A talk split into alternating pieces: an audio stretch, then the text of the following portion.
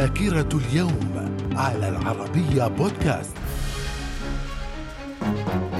أهلا بكم إلى ذاكرة اليوم السابع عشر من إبريل في العام 1509 البابا يوليوس الثاني يضع حجر الأساس لبناء كاتدرائية القديس بطرس في الفاتيكان. في العام 1895 توقيع معاهدة شيمو نوسيكي والتي اعترفت الصين فيها باستقلال كوريا. في العام 1946 جلاء الفرنسيين عن سوريا وإنهاء الانتداب الفرنسي عليها. من الذاكرة. ومن ذاكرة اليوم السابع عشر من أبريل في العام 1961 أول هجوم على جزيرة كوبا بعد نجاح الثورة مباشرة من قبل قوات معادية للنظام الجديد في هافانا وبدعم من الولايات المتحدة وذلك لمحاولة الإطاحة بالزعيم الجديد فيديل كاسترو. في العام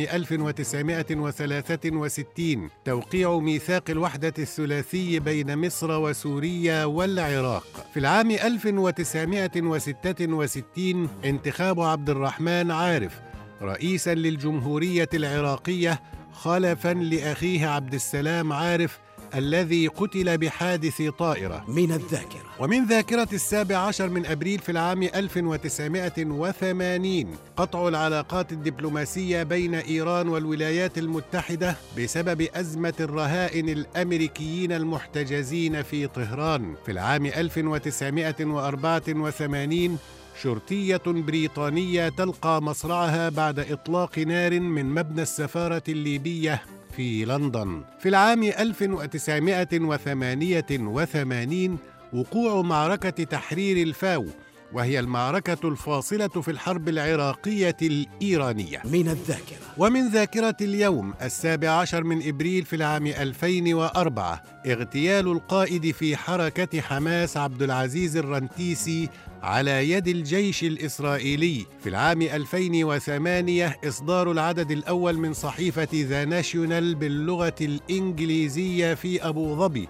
في العام 2014 الرئيس الجزائري المنتهية ولايته عبد العزيز بوتفليقة يفوز بولاية رابعة إثر فوزه في الانتخابات الرئاسية. وفي العام 2015 التلفزيون العراقي يعلن مقتل عزة الدوري نائب الرئيس العراقي الأسبق وحزب البعث ينفي ذلك. من الذاكرة. وفي مثل هذا اليوم السابع عشر من أبريل من كل عام يحتفل بعيد الجلاء في سوريا وبيوم الأسير الفلسطيني. من الذاكرة. إلى اللقاء.